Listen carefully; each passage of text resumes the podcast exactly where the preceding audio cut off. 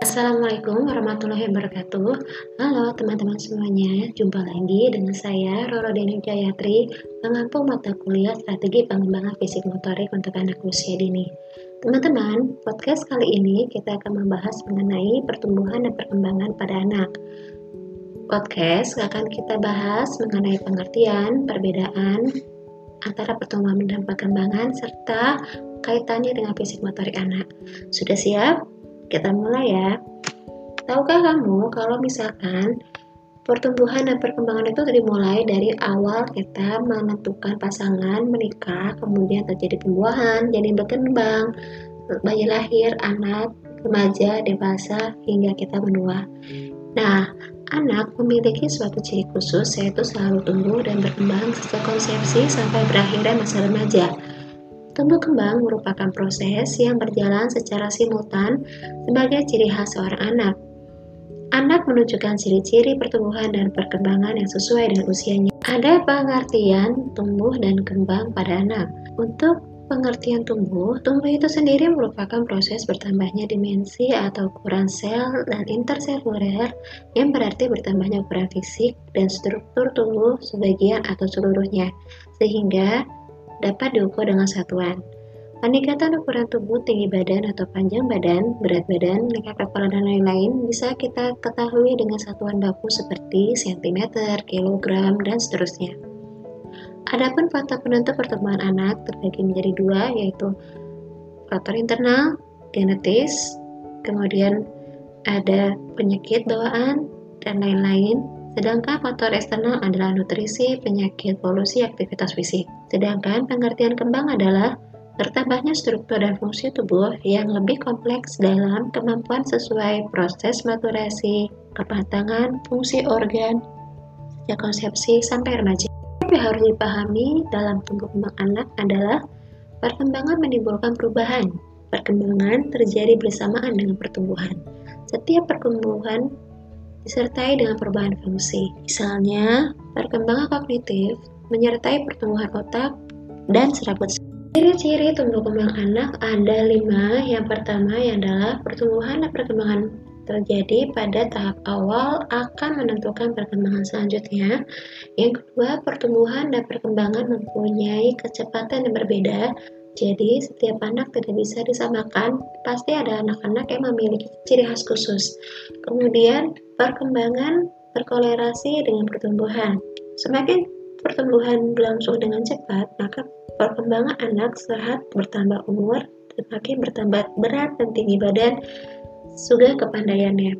Yang keempat adalah perkembangan mempunyai pola yang menetap, terbagi menjadi dua, yaitu ada pola sefalokaudal, yaitu adalah perkembangan terjadi lebih dulu dari arah kepala, kemudian menuju ke arah kaudal atau anggota tubuh. Sedangkan pola proximodistal adalah perkembangan terjadi lebih dulu di daerah proksimal, gerakan kasar, lalu kemudian berkembang ke distal seperti jari-jari yang mempunyai kemampuan gerakan halus. Yang terakhir, yang kelima adalah perkembangan memiliki tahap yang berurutan, mengikuti pola yang teratur dan berurutan. Tahap-tahap tersebut tidak bisa terjadi terbalik. Misalnya, anak terlebih dahulu mampu berdiri sebelum berjalan, berlari, berlompat, dan seterusnya. Pertumbuhan dan perkembangan anak-anak memiliki faktor-faktor pengaruhi kualitas tumbuh kembang anak, yaitu ada faktor internal dan faktor eksternal.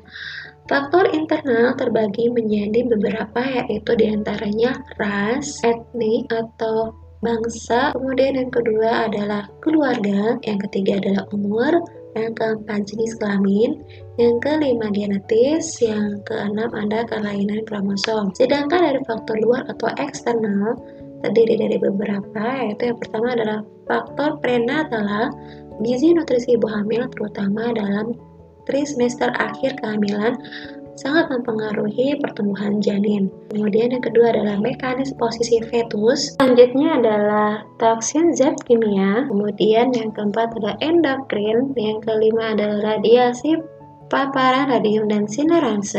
Yang keenam infeksi. Yang ketujuh kelainan imunologi. Yang kedelapan adalah anoreksia embrio. Yang kesembilan adalah psikologi ibu kehamilan tidak diinginkan. Psikologi ketika hamil ini adalah bisa jadi kekerasan mental pada ibu hamil, dan faktor persalinan yang mengalami komplikasi seperti trauma kepala atau kerusakan jaringan otak. Nah, sebagai pendidik anak usia dini, kita bisa memahami atau memperhatikan aspek-aspek perkembangan yang patut dipantau pada seribu hari pertama. Ada lima, yaitu yang pertama adalah gerakan motorik kasar.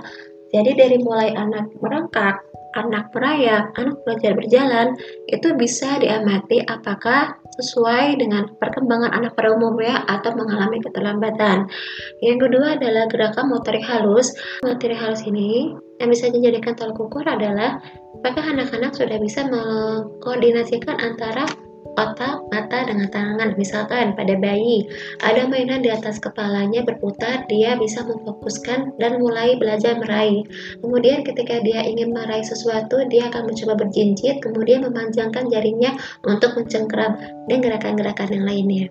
Kemudian yang ketiga adalah kemampuan bicara dan berbahasa ada perbedaan antara bicara dengan berbahasa. Jadi berbahasa itu keterampilan terbagi menjadi dua, yaitu berbahasa lisan dengan tulisan.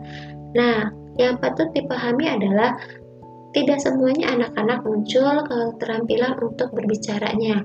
Jadi tidak semua anak-anak muncul keterampilan berbahasa lisan. Akan tetapi ada anak-anak yang mampu menyimak dan dia bisa menyerap perintah, tetapi untuk merespon bicaranya memerlukan waktu dalam proses muncul. Ini bukan berarti dia tidak bisa atau mengalami permasalahan ya. Jadi masih normal dan patut dipahami oleh kita sebagai orang dewasa adalah Kemampuan berbicara dan berbahasa mengalami perbedaan, tidak semuanya bisa muncul dengan sama setiap anak. Yang keempat adalah kemampuan bersosialisasi dan kemandirian. Kemampuan bersosialisasi dan kemandirian ini bisa dilihat dari sikap anak-anak ketika berada di lingkungan ramai, berinteraksi dengan teman-temannya.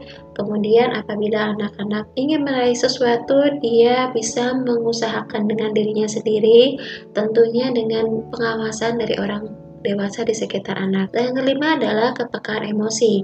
Kepekaan emosi bisa dilihat ketika anak-anak apakah bisa mengendalikan emosinya ketika mendapatkan sesuatu yang tidak menyenangkan, bisa responsif ketika merasakan kebahagiaan apabila kelima hal tersebut dari mulai gerakan motorik kasar sampai kepekaan emosi anak-anak bisa responsif dengan baik berarti dia mengalami pertumbuhan dan perkembangan normal.